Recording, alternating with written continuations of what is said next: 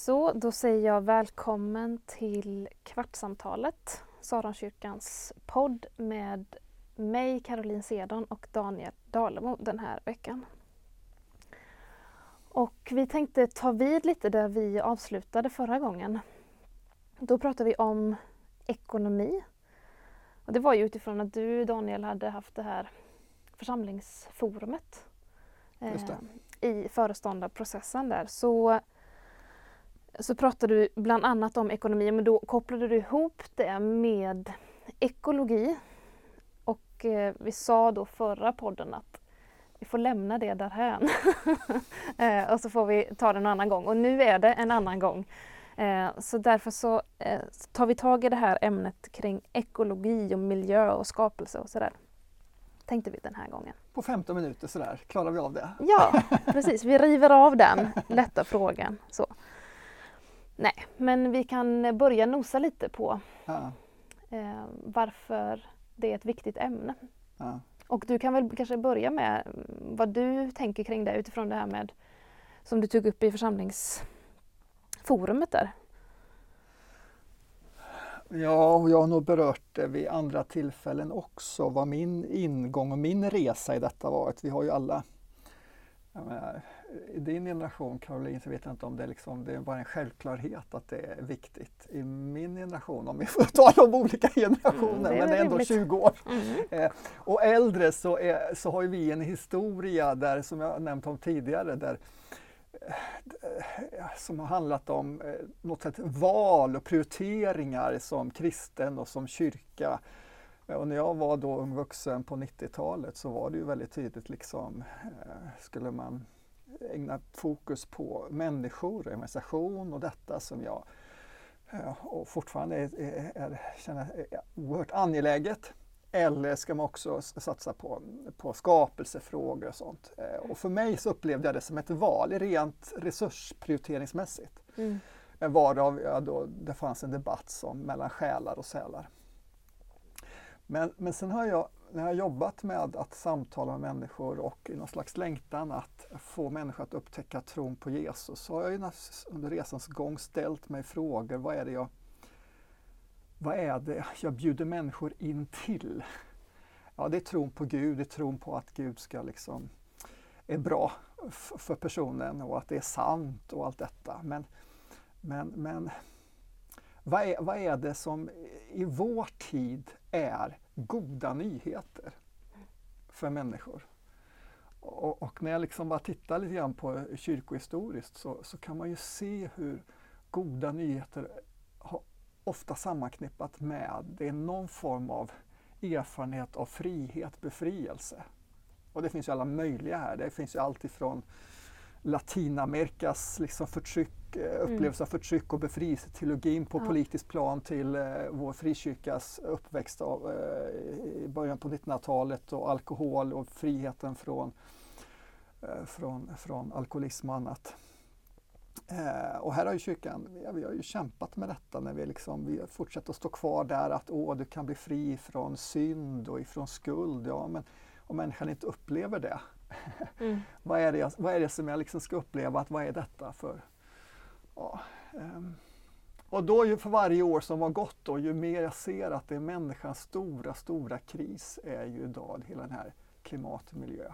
Och Mm. där vi egentligen lever allt mer med detta som en enorm skuld till varandra, till kommande generationer och till en skapelse. Eh, och i det, den insikten som vi matas av varje dag så visst görs det politiska saker, visst görs det tekniska eh, framsteg. Men det är ändå så att vi famlar därför att vårt hjärta är fortfarande samma. Vi vill ha mer än vad vi, vi vill konsumera mer än vad skapelsen tillåter. Och här, här någonstans tror jag att människan anar en ofrihet. Mm. Eh, och då har det för mig genom årens lopp bara blivit, men vad är evangeliets, vad är de goda nyheterna, vad är kyrkans ärende i just den här tiden? Eh, och därför så blir det för mig allt mer inser att, att om jag har perspektivet fortfarande, liksom nöden och längtan för människor att upptäcka tron på Gud och vad det ska innebära, så, så blir detta någon slags ingång eller utgångspunkt i det. Som inte är ett val utan det är en förutsättning. Eller, ja, och då är de goda nyheterna i förhållande till miljön?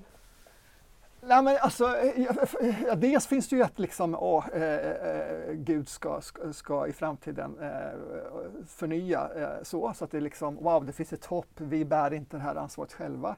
Men det räcker ju inte att bara säga det, utan poängen är vad är det vi idag kan eh, gestalta det? Det vill säga, och då kommer vi till liksom, kan evangeliet befria mig från eh, begär eller från livsstil som, som vår värld och vår skapelse inte förmår hantera.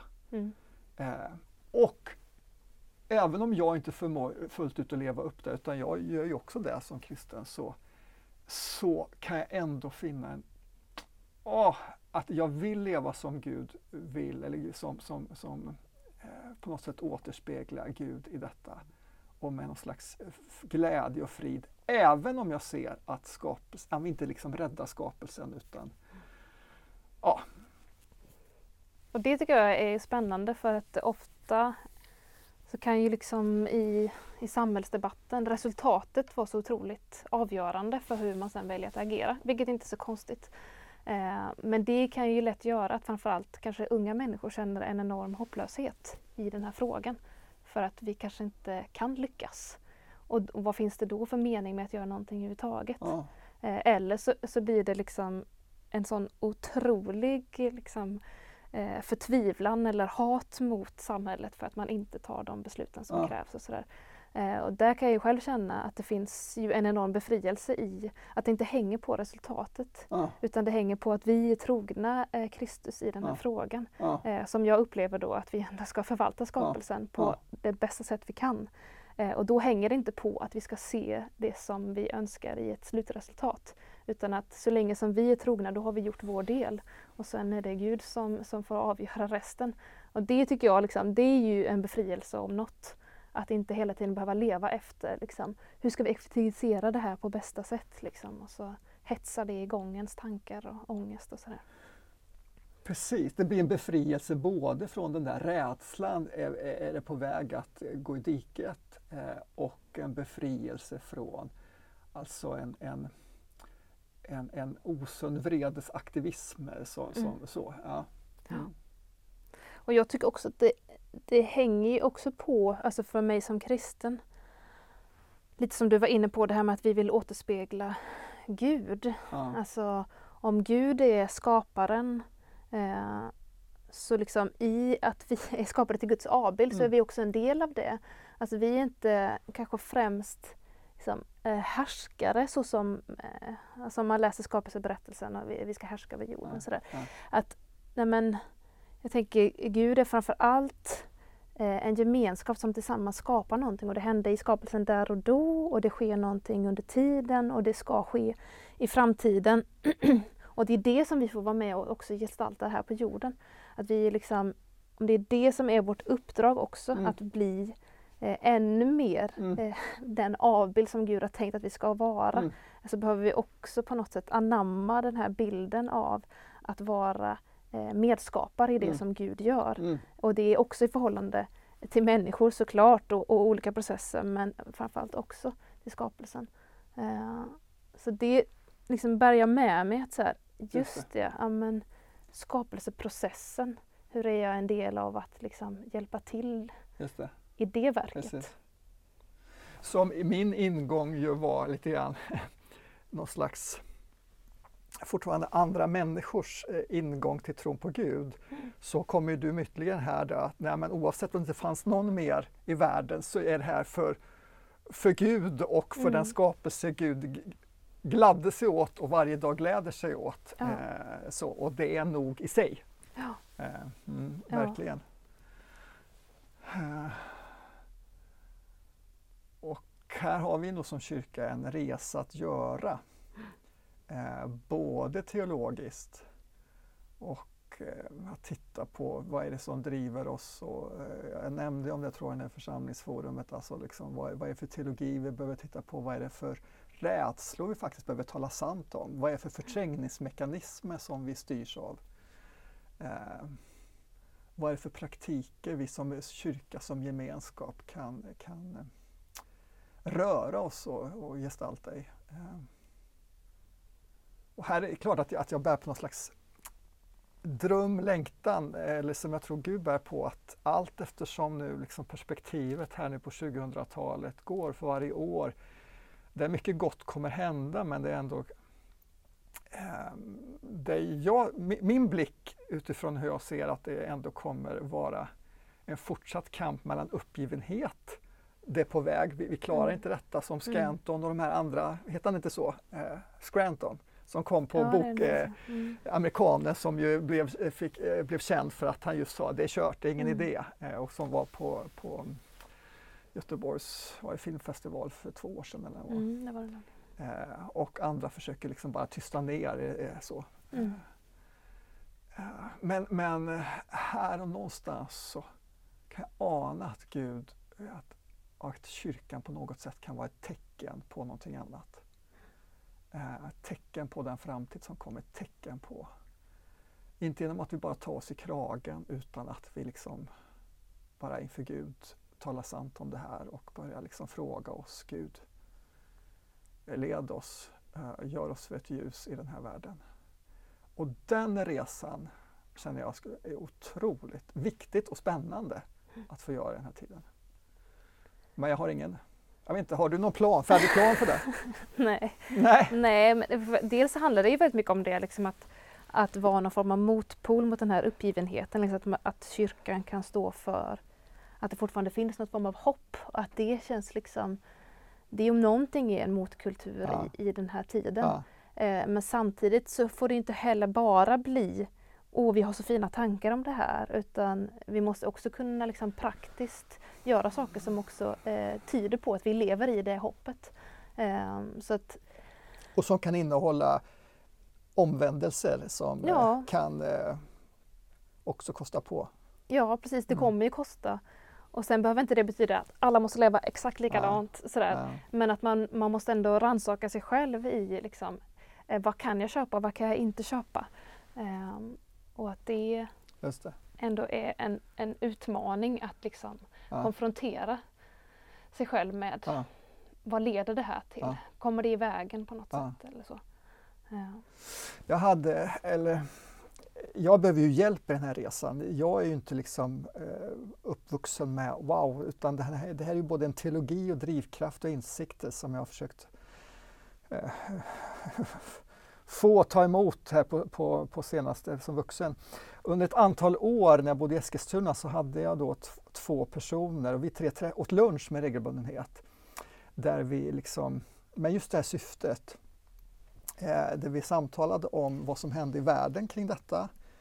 Ehm, eh, vad var trenderna, vad var budskapen, vad var de senaste innehållen kring miljö, eh, rapporter och sånt. Mm. Eh, de här två vännerna jobbade på Energimyndigheten och var väldigt insatta i detta till skillnad mot mig som, mm. som inte var det. Eh, så jag fick kunskap i det.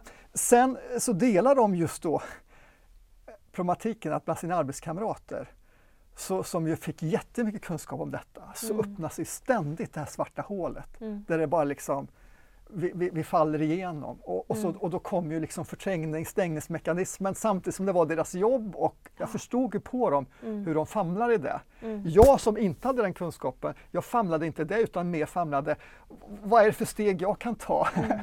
Mm. Okej, okay, ja, jag kanske ska titta på vilken köttfärs jag köper eller vad det nu kan mm. vara. Eh, så, så vi både talade om det, vi talade om ganska praktiskt. Eh, och sen landade vi alltid i ett bibelord för att inte landa i det där svarta hålet utan landa i att ah, det, det är inte våra ansträngningar som till slut avgör utan det är, är Gud. Och, eh, ja, men jag, jag älskar den, den, typen av resa där, får gå, där man får gå nära några stycken eh, i det. För jag behöver det. Jag märker att jag tappar det sen jag, jag lämnade den gruppen. Mm. Um.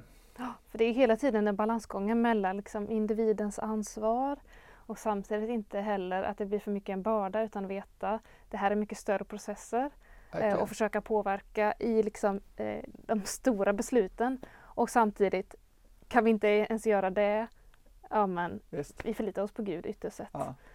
och samtidigt ja, leva i alla nivåerna samtidigt på något sätt. Och där som kyrka och kyrka tillsammans i en stad ehm, eh, med en gemensam grund, även om vi naturligtvis kan ha lite olika tolkningar och teologier, så, så skulle vi också kunna påverka, tror jag, mer också i ett större politiskt eller ett större perspektiv kring olika saker. Men som sagt var, jag har inte något, någon färdig skiss för det, men, men det finns en resa här att göra. Eh, som för mig känns som ett wow, ändå en förmån att få leva den här tiden. Någon slags äventyr mitt i allt det som faktiskt också ja, är betungande i mm. att läsa varje sån här rapport. Som mm. Varje rapport blir mer och mer, man kan kalla den för alarmistisk, eh, men det är ju försöket från vetenskapsmännen att få mig att vakna. Mm. Eh, och problemet är att jag blir mer och mer stum ja, inför det. Precis. precis. Ja. Ja. Ja, ska vi göra som din eh, Eskilstuna-grupp? ja, gärna. Det är helt nödvändigt kring de här frågorna.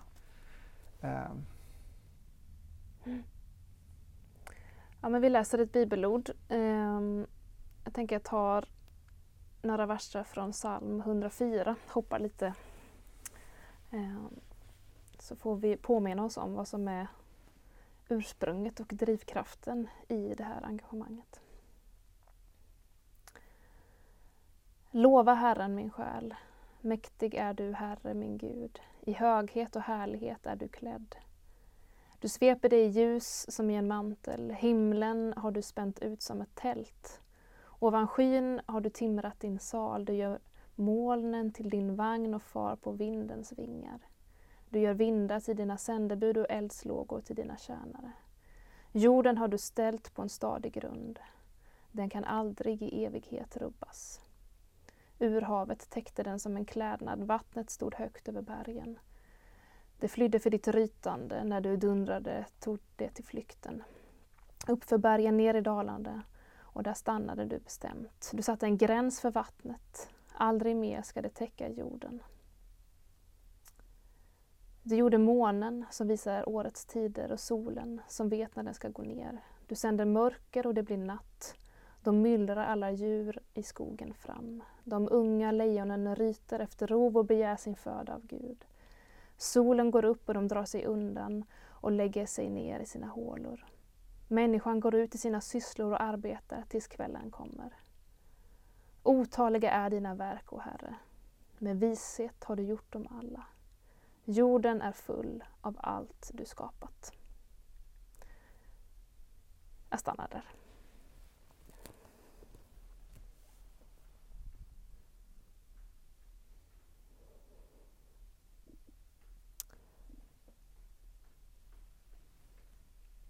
Tack för att ni har varit med.